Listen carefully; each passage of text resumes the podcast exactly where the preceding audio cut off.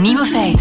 Dag, dit is de podcast van woensdag 13 juni. De podcast van Nieuwe Feiten. In het nieuws vandaag een kilootje meer is helemaal niet erg als je maar met je kont wiegt. Wetenschappers filmden 37 vrouwen van alle maten en gewichten op een loopband.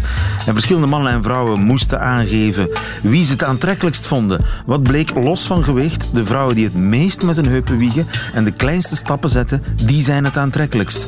Of dat ook voor de heren geldt, is hoogst twijfelachtig. De andere nieuwe feiten vandaag. Amper 1% kan zich goed concentreren in een open kantoor. In slow motion lijken dingen erger. En dat heeft misschien gevolgen voor het WK, wat met de videoreferee werkt. Yvette Orner, de koningin van de Musette, is gestorven. En Graspop is uitverkocht. Bavo Klaas denkt er het zijn van in zijn middagjournaal. Enjoy!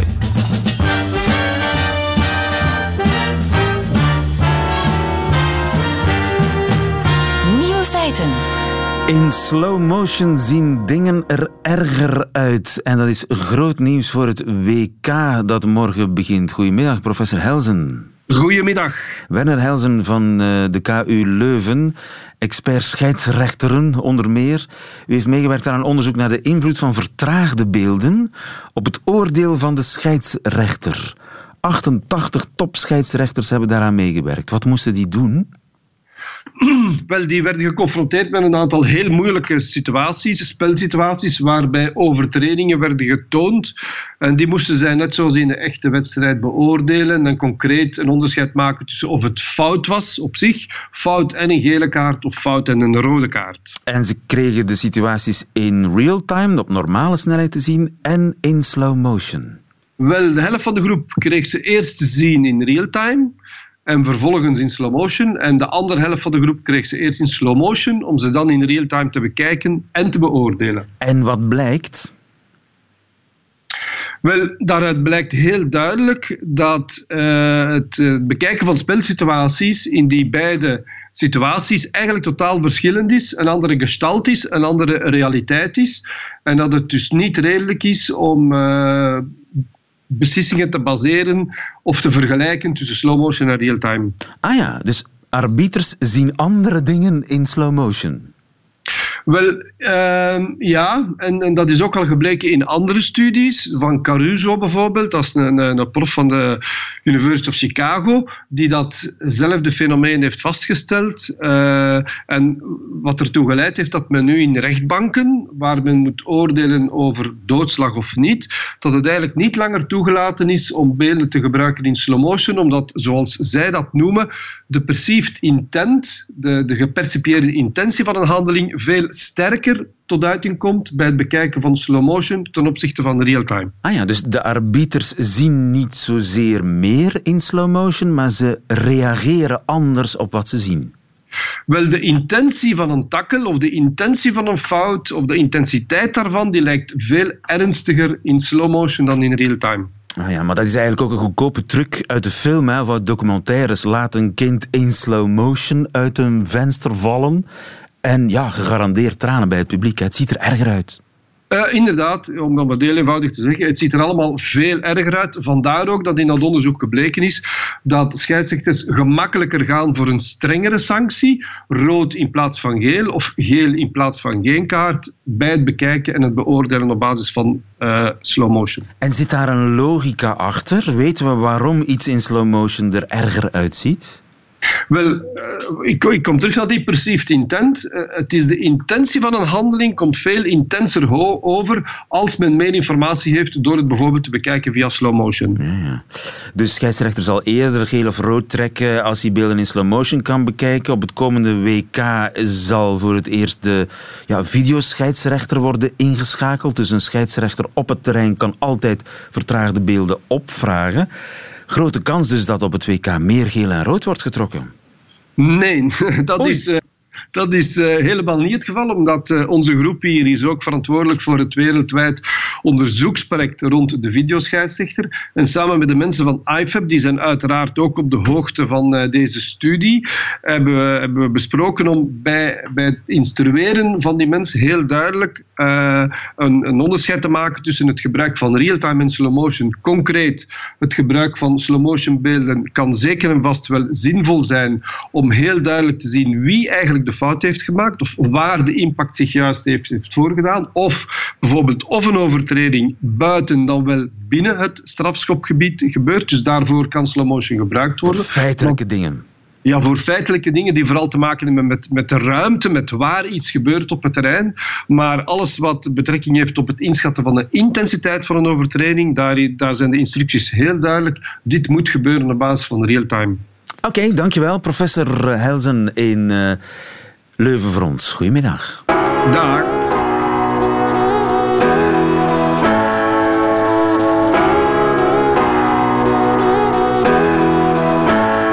Nieuwe feiten. Werkt u in een open kantoor? Ja? Dan heb ik uh, minder goed nieuws voor u. De kans dat u zich in zo'n zee van collega's kunt concentreren op uw werk, die kans is 1%. Anaï van Oudegem, goedemiddag. Goedemiddag. Je bent arbeidspsycholoog aan de KU Leuven. Dat van die 1% dat moet blijken uit een onderzoek van een Londens management consultant. Met een heel chique naam, geloof ik. Uh, Oxford uh, Analytics. Nee, iets anders. Maar goed, in ieder geval, 1% is wel uh, vrij laag. Hè? Dat is wel heel weinig. Ja, dat is inderdaad een, een heel laag percentage. Um, ik zou altijd voorzichtig zijn als er van die prevalenties worden gegeven in studies, omdat dat altijd heel sterk afhankelijk is van welke steekproef er juist bevraagd is. Ja. Um, en de manier waarop dat bevraagd is en waar ze juist uh, die grens gehanteerd hebben. Maar de conclusie uh, dat mensen in open kantoren veel last hebben van afleiding, um, die, die kan ik me wel natuurlijk. Ja. ja. want je hebt gelijkaardig onderzoek gedaan. En kom je ook tot een gelijkaardige conclusie? Ja, dus wij hebben inderdaad een onderzoek gedaan waar dat we mensen hebben vergeleken die daar in een open kantoor werken of in een gesloten kantoor. Dus dat kan zowel met andere mensen zijn als alleen, maar niet in een gigantische open ruimte. Um, en daarbij zijn we eigenlijk nagegaan wat de relatie is met de tevredenheid met het werk en met hoe mensen zeggen dat ze presteren op het werk. En vooral zijn we eigenlijk nagegaan van wat maakt nu dat mensen in open kantoren, want dat blijkt uit heel veel studies, uh, rapporteren dat ze lager, dat ze minder goed kunnen werken en dat ze ook minder tevreden zijn met hun ah, werk. En wat stoort het meest? Um, dus we hebben gevonden inderdaad dat de afleiding bedrukkelijk uh, hoger ligt in open kantoren. En die afleiding uh, dat gaat over van alles. Dat gaat over visuele prikkels zelfs, dus visuele afleiding, um, lawaai, um, ja, u niet kunnen concentreren.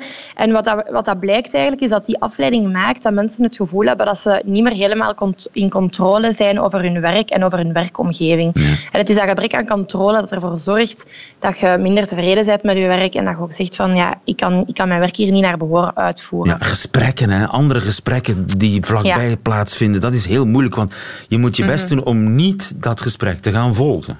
Mm -hmm. Ja, dus het blijkt ook, afleiding is eigenlijk een, een verzamelconcept uh, waarin verschillende aspecten zitten. En binnen die afleiding blijkt dat geluid dus inderdaad uh, de meest uh, storende vorm is van afleiding. Ja. Maar kan het niet ja. tot een soort van creatieve kruisbestuiving komen? Meer mm. contact tussen collega's onderling, mm -hmm. meer uitwisseling van ideeën ja. op een creatief bedrijf of op een nieuwsredactie en zo lijkt me dat wel mm -hmm. een voordeel. Nee? Ja, dat, dat is een klein beetje um, contradictorisch, denk ik, of ironisch. De reden dat die open kantoren vaak ingevoerd worden, is omdat men denkt van dat gaat de communicatie en de interactie tussen werknemers onderling stimuleren. Dus dat is eigenlijk het grote voordeel, um, naast besparingen dan, die dat, dat naar voren wordt geschoven. Besparingen vooral toch, hè? Ja, besparingen vooral. Maar dan wordt er vaak aan gekoppeld, ja, maar het zou de communicatie verbeteren. Hè, en het gaat zorgen dat we beter met elkaar in interactie gaan gaan. En inderdaad, dat er meer creativiteit zou kunnen en ontstaan. En die hoop, was die terecht? Nee, wat, wat blijkt nu eigenlijk uit de meerderheid van de studies, blijkt dat medewerkers rapporteren dat ze minder persoonlijke en confidentiële discussies hebben onderling, dat ze minder feedback aan elkaar gaan geven, dat de communicatie daalt. Ze raten de kwaliteit van hun teamwerk ook als lager en ze vinden samenwerking minder plezierig. Dus precies het omgekeerde. Precies het omgekeerde. En wat daar als verklaring soms naar voren wordt geschoven, is um, dat je natuurlijk ook een, een, mindere hoeveelheid aan privacy hebt. Want je zit daar allemaal samen in één ruimte. En waar dat je vroeger misschien bij een collega even kon binnengaan om iets te bespreken, ben je nu ten eerste anderen daarmee aan het storen. En ten tweede, soms wil je ook niet dat mensen horen waar dat je het over hebt. Ja, je ziet dat mensen op de gang staan fluisteren, hè? Dat zie je dan. Ja, bij wijze, bij wijze van spreken, ja. Dat, uh... Nu, uh, Frank van Massenhoven, de baas van uh, de FOD Sociale Zekerheid, mm -hmm. heeft mij ooit in een interview verteld dat hij high-tech noise cancelling heeft geïnstalleerd. Van die boxen mm -hmm. die antigeluid produceren, die het lawaai drastisch reduceren. Is dat een oplossing? En dat zijn dan boxen waar mensen vanuit open kantoren zich naartoe kunnen begeven als ze zich willen nee, nee, nee, nee. concentreren. Dat is een geluidsbox. Echt zo'n een, een, een haut-parleur, om het op zijn Vlaams te zeggen. Dat, mm -hmm. die, die gewoon uh, anti-geluid produceert, waardoor alle geluid gedempt wordt. Is dat een oplossing, denk je? In dat Goh, open denk... dus je blijft in een open kantoor zitten, maar de gesprekken drie bureaus verderop kan ik niet meer volgen door, door ja. die geluidsdemping. Ja, dat zou misschien voor een stuk natuurlijk, eens je binnen die setting van een open kantoor zit, um, het aspect van geluid kunnen reduceren. Maar dan denk ik dat er nog altijd andere aspecten zijn die niet gedekt worden. Zijnde dat je wel nog allemaal samen in één grote ruimte aan het werken bent. En bijvoorbeeld, er uit studies ook blijkt dat zelfs het voorbijlopen van personen, dus die visuele prikkels, ook uh, tot die afleiding ja. behoren. En er zijn ook studies die aantonen, die bijvoorbeeld uh, open kantoren hebben vergeleken met kantoor, open kantoren waarin de mogelijkheid bestond om u af te zonderen of in ja. um, aparte ruimtes te gaan van die werken. Boxen, hè, van die hippe, ja. hippe met hoge leuningen, stoelen, zacht, soft. Ja. Uh, van die...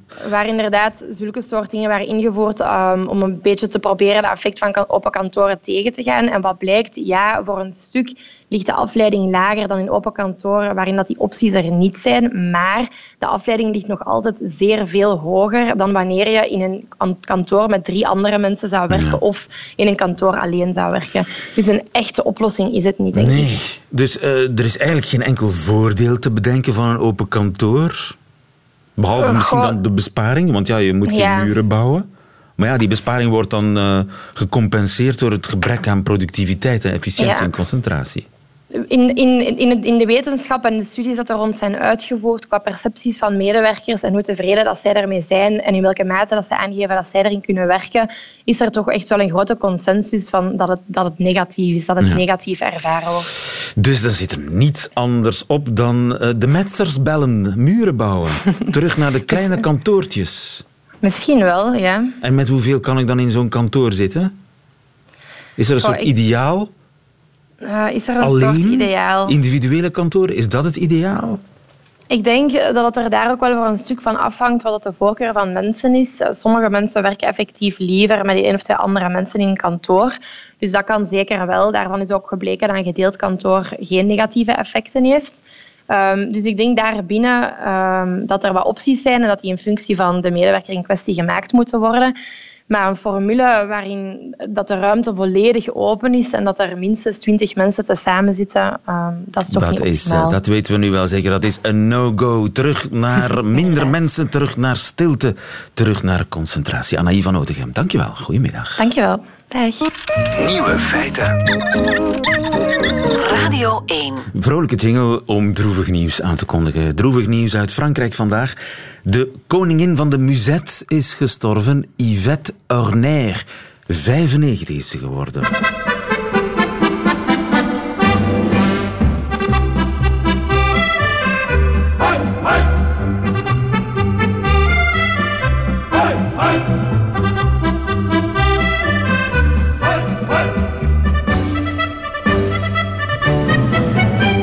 Moet u het uh, beeld erbij bedenken natuurlijk van een uh, jonge vrouw, modieus gekleed, mooi kapsel en zo'n baffel van een accordeon ja. voor haar buik. Bart Bogaert, goedemiddag. Goedemiddag, lieve. In de rouw vandaag, jij? In de rouw toch wel, ja. Ik vind eigenlijk dat dit fragment haar niet helemaal eer aandoet, liefde. Want, want er wordt zo een sfeertje van hopsasa en vrolijke, simpele muziek ah, opgehangen. Ik dacht dat dat, uh, hopsasa, muzet, ja. Wel, nee, nee, Yvette Horner was een fantastische fantastische muzikante, lieven. Was veel meer dan dit. Ze heeft daar ook vaak over verteld. Ze beheerste alle stijlen van muziek, van, van Beethoven tot Michael Jackson en David Bowie. onrecht aangedaan met Een deze klein hoi, beetje hoi, wel, hoi. ja. Nee, nee, ze is echt een fantastische muzikante. Ze is trouwens in 1948 als eerste vrouw ooit wereldkampioen accordeon geworden. Je Dat- kunt dat worden. je kon dat toen nog worden. Ik weet niet of je dat nu nog kan worden. Maar in die tijd was dat alleszins zeer uitzonderlijk dat een vrouw dat werd. Het was haar moeder die een beetje een commerciële geest had. Die zei, ja, misschien moet je in plaats van piano te spelen, moet je accordeon Mensen horen dat spelen. graag. Mensen horen dat graag. En als, als dat een vrouw is, een kleine vrouw, klein van gestalte, een meter 55 was ze, als die dan zo'n zwaar accordeon aanbindt, ja, dat, dat zal opvallen en je zal daarmee scoren met En die gelijk had ze. met die piano met bretellen, zoals het zelf noemde. Ja. Nu, ze was niet ziek, laat haar manager weten. Oh. Ze is gewoon gestorven aan een leven. Dat is toch fantastisch, hè, Ja. lieven? Ik heb al aan mijn mogelijke nabestaanden laten weten dat ze dat op mijn rouwbrief mogen zetten. En dan nog het liefst in het Frans, want in het Frans is dat nog veel mooier. Elle n'était pas malade, elle est morte des suites d'une vie bien remplie. En haar naam zal altijd verbonden blijven aan de Tour de France. Aan de Tour de France, daar heeft ze haar roem in Frankrijk alleszins aan te danken. Tussen 1952 en 1963 heeft ze ja, de Tour opgeleukt. Nee, niet Je moet je dat voorstellen. Zij is eigenlijk de pionier van wat men nu de reclamekaravaan noemt. Ja. Dus zij werkte eerst voor een fabrikant van strijkijzers en daarna voor een merk van Pernod, Suze heette dat. Die mensen die reden met een auto, een auto, een Citroën Attraction Avant. Met, Traction, met- niet attraction, traction avant. Je op- accent grave. Traction. Ah, eh, excuseer. Ja, met, met, ja, met voortractie. Ah, wel een heel aantrekkelijke auto, zo'n gangster Citroën uit de jaren Fantastisch. 50. Je Met die moet- enorme... Ja, je moet de foto's Gardaboes. absoluut bekijken. En wat deden die mensen? Ze monteerden een stoel bovenop die auto en daar werd Yvette dan aan vastgebonden.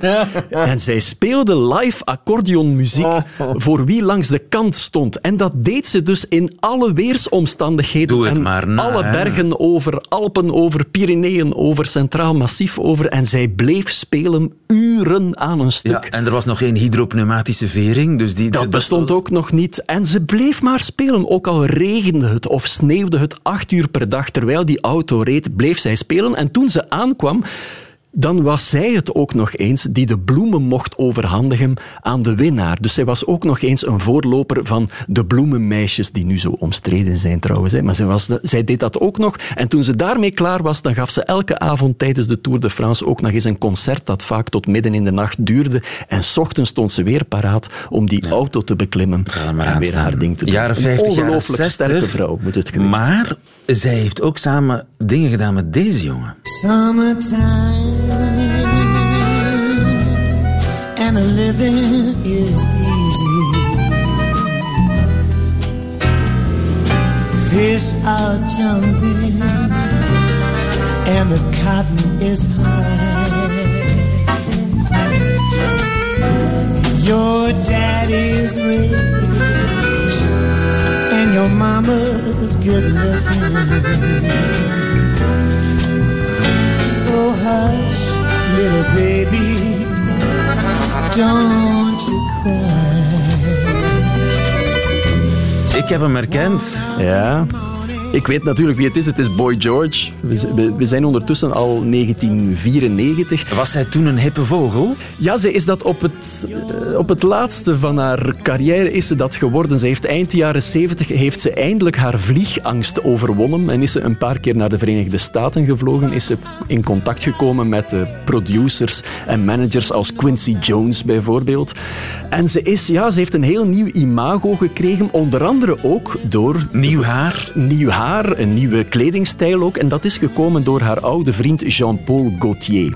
Van zodra dat de man van Yvette Ornère gestorven is, ja, heeft Jean-Paul Gaultier tegen haar gezegd, kijk, we moeten iets doen aan dat stoffige imago van jou. We gaan jou helemaal ja, een nieuwe look geven. En sindsdien is ze door het leven gegaan en tot op, eh, tot op eh, de dag van haar overlijden is ze door het leven gegaan met knaloranje haar en redelijk extravagante kleren. Jean-Paul Gaultier heeft trouwens ook haar laatste platenhoes ontworpen. We mogen dat niet vergeten, eh, lieven.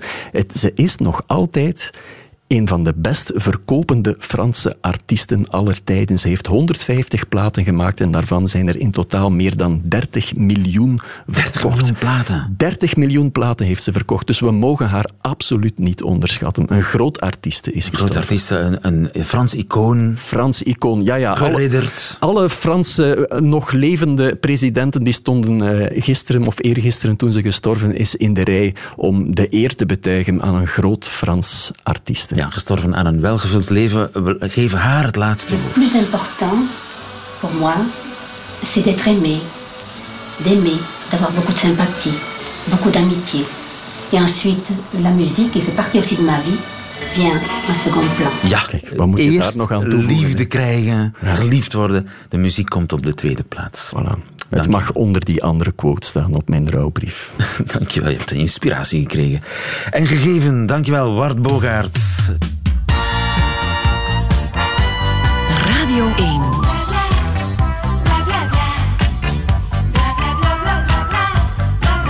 Nieuwe feiten. Maak nu wat mee. Graspop in Dessel, het metalfestival, is dit jaar voor het eerst in zijn 22-jarige bestaan volledig uitverkocht.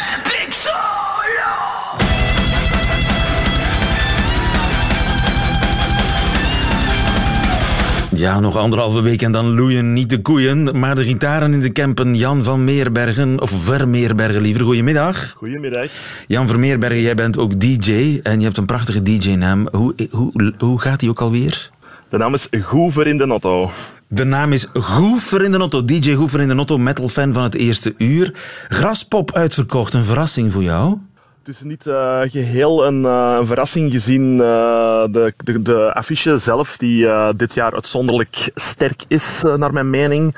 Dus eh, ik was er niet helemaal door verrast. Want als ik daar eens naar kijk, naar die affiche, het rare is, ik als oude zak, ik herken daar allerlei namen. Eh, Iron Ja, inderdaad, Maiden, dus- Ozzy Osbourne en zelfs eh, deze oudgediende.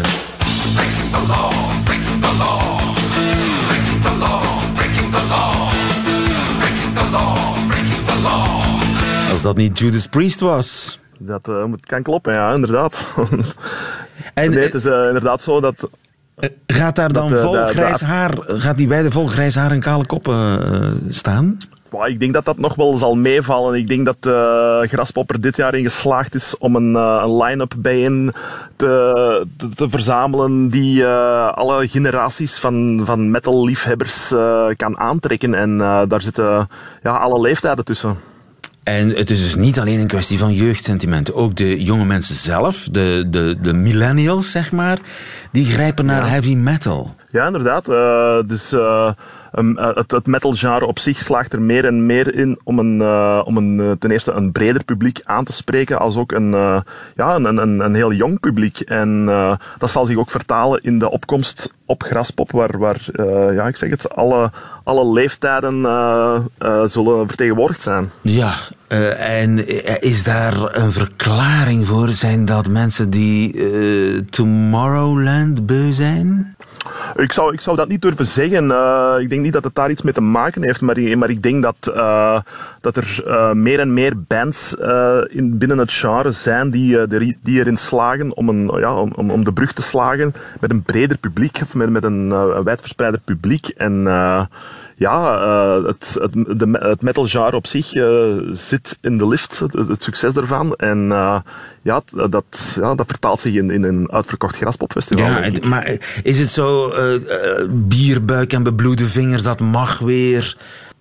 Of ja, dat, dat, dat heeft altijd gemogen en dat is nooit, nooit een taboe geweest. maar ik denk niet dat het, dat als je over de, de weide van Graspop zal wandelen, dat, dat dat het algemene beeld is dat je daar zal aantreffen. Je, je, je gaat daar een, een heel uh, verdeeld of, of uh, een, een heel wijd verspreid uh, aanbod aan, aan, aan mensen tegenkomen. Ja, maar als je dan bijvoorbeeld op, doen. Op uh, Tomorrowland rondloopt, ja, uh, toch heel veel fashion, heel veel afgetrainde lijven. Op het podium wordt er heel veel met USB-sticks gewerkt. Ja, ik kan me voorstellen dat, dat het verlangen terugkeert naar het live gevoel. Ja, uh, het, is, het is inderdaad zo dat, dat, uh, ja, dat het veel mensen aanspreekt om, om, om die live concerten te, te, te bezichtigen en, en, en, en, naar het festival af te zakken. Uh, dus ja, ik, ik, denk dat, dat het er alleen maar al, aan zal bijdragen dat, dat die affiche uitverkocht is, dat de, de, de concerten op het Graspopfestival ook allemaal voor een heel groot publiek zullen zijn. Dus, ja, ja dat gaat alleen maar uh, te goed komen aan, aan, de, aan de algemene sfeer. Ja. Nu, het is een beetje cliché-muziek, hè? Mag, ik dat? het is, uh, mij doet het denken aan een, ja, uh, de Sitmar. Of, of een, een, een grasmaaier op volume. Nee? Ja, ik denk dat dat een beetje een, een, een nogal kort door de bocht is, natuurlijk. is het muziek om, om het volgens jou? Weg, ja, absoluut, absoluut. Het is, uh, het is zelfs meer dan, dan muziek. Het is, het is voor vele mensen uh, een levensstijl. Hè. Het, is, uh, het, het, houdt niet alleen op met, met de cd's te beluisteren. De, inderdaad, de, de kledij en, en dat hoort er allemaal wel bij en zo. Dus het is, het is veel meer dan dat. En, en de levensstijl, hoe zou je die omschrijven? Is dat de opgestoken middelvinger? Dat, ja, dat, voor veel mensen of, voor bepaalde mensen eh, is dat inderdaad wel uh, toepasbaar. Maar uh, ieder, ieder beleeft, zich, beleeft zijn, zijn festival op, op zijn eigen manier. En uh, het is niet zo dat de, de duizenden mensen die naar, naar het Graspopfestival gaan afzakken, daartoe komen met opgestoken middelvinger. Dat is zeker niet, niet, niet het geval. Ja. iedereen is, is, er, is heel blij om, om daar te zijn. En uh, er, daar heerst een heel gemoedelijke sfeer onder, de, onder de bezoekers. En oudgediende Judas Priest zal er ook zijn. Maar ook uh, jonge mensen zoals Ghost. Kan je daar eens iets over vertellen? Ghost? Ja, Ghost is, uh, is eigenlijk een, een beetje een, uh, een fenomeen binnen de metal scene die zich al, al een aantal jaren uh, aan het ontplooien is. En Ghost is een van, van de weinige bands in het huidige metallandschap die erin slaagt om, om de brug te slaan tussen uh, de metal scene op zich en, en, en, en een breder publiek. Uh, zij, zij, zij, zij, slagen erin om, uh, ja, om, om een breder publiek uh, te bereiken. En dat vertaalt zich ook in dat zij ondertussen ook in de, in de dagrotatie van, van Studio Brussel zitten. Ja. Wat voor, voor een metalband niet altijd niet vanzelfsprekend laat, is. Laat, laat mij eens proeven van Ghost.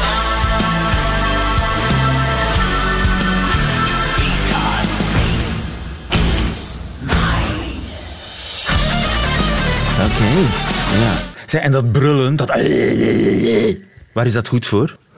Ja, dat is, uh, voor, dat is zeker niet, nee, niet voor alle bands het geval. Uh, dat is een, een, een, stijl van zingen die uh, voor vele bands wordt gebruikt om, om een, hun gevoel dat in, in de teksten zit op een optimale manier over te brengen naar het publiek. En okay. de agressieve muziek leent zich daar natuurlijk perfect voor. Oké, okay, dankjewel. Jan van Meerbergen, alias de Notto. Graag gedaan. Graspop dit jaar voor het eerst uitverkocht in hun 22-jarig bestaan. Graspop in Dessel over anderhalve week. Dankjewel, DJ Goefer in de Notto. En daarmee heeft u alle nieuwe feiten gehad, behalve die natuurlijk in het leven van schrijver en voormalig tv-journaalanker Bavo Klas. Nieuwe feiten. Middagjournaal. Beste luisteraar, ik heb recentelijk in Antwerpen een tram genomen waarvan de bestuurder danig in de problemen zat. Persoonlijke problemen. En dat weet ik omdat ik het uit zijn eigen mond vernomen heb. Hij heeft het me de hele tramrit door lang en breed uit de doeken gedaan. Op lijn 18 was dat. Vroeger, toen we een trambestuurder nog Watman noemden, was er op de wand boven zijn hoofd een metalen bordje geschroefd met de tekst verboden met de bestuurder te spreken, want die moest zijn gedachten bij het verkeer houden en mocht niet worden afgeleid. In oudere rijtuigen hangt zo'n soort bordje trouwens nog altijd. Maar ik pleit onschuldig. Ik heb niet met de bestuurder gesproken. Ik zat gewoon niet al te ver van hem vandaan en heb ongewild het telefoongesprek opgevangen dat hij denkelijk met een vriend aan het voeren was. Handsfree, daar niet van. Zo openbaar als zijn vervoer was, zo privé was zijn verhaal. Want het ging niet goed tussen hem en zijn vrouw, of vriendin, daar wil ik vanaf zijn. Ze waren namelijk heel verschillend, maar dan echt wel heel verschillend.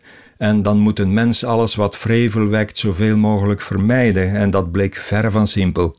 Of het met zijn liefdesleven te maken had, was me niet duidelijk, maar op zeker moment begon de bestuurder te citeren uit een liedje van Jan de Wilde, zomaar uit zijn blote hoofd.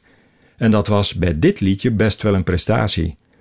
Stomme idioot, genie van de Karpaten, mottige maloot, rattenkop vol gaten, kikfors potentaat enzovoort. Zelf heb ik de tekst moeten opzoeken om hem hier te kunnen herhalen. En het ging van kwaad tot erger, want de trambestuurder had ook financiële moeilijkheden. Betalen met zijn bankkaart lukte niet meer. Geld uit de automaat halen ging nog wel, gek genoeg. Maar de naakte waarheid, zo noemde hij dat, de naakte waarheid was dat er niet eens meer duizend euro op zijn rekening stond. En dingen op afbetaling kopen, hij zei bij zichzelf: Man, begin er niet aan. Even heb ik overwogen op die pechvogel toe te stappen en een bemoedigend woord tot hem te richten. Dat heb ik uiteindelijk toch maar niet gedaan. Per slot wordt praten tegen de bestuurder met het oog op de verkeersveiligheid afgeraden, als het al niet verboden is.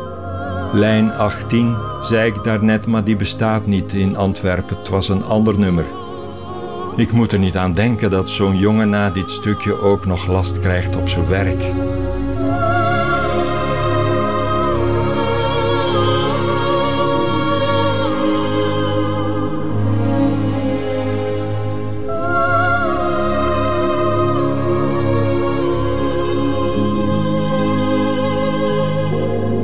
Bravo Klaas in het middagjournaal. Meteen het einde van deze podcast. Maar u vindt er nog veel meer op radio1.be en op alle gebruikelijke podcastkanalen. Tot volgende keer.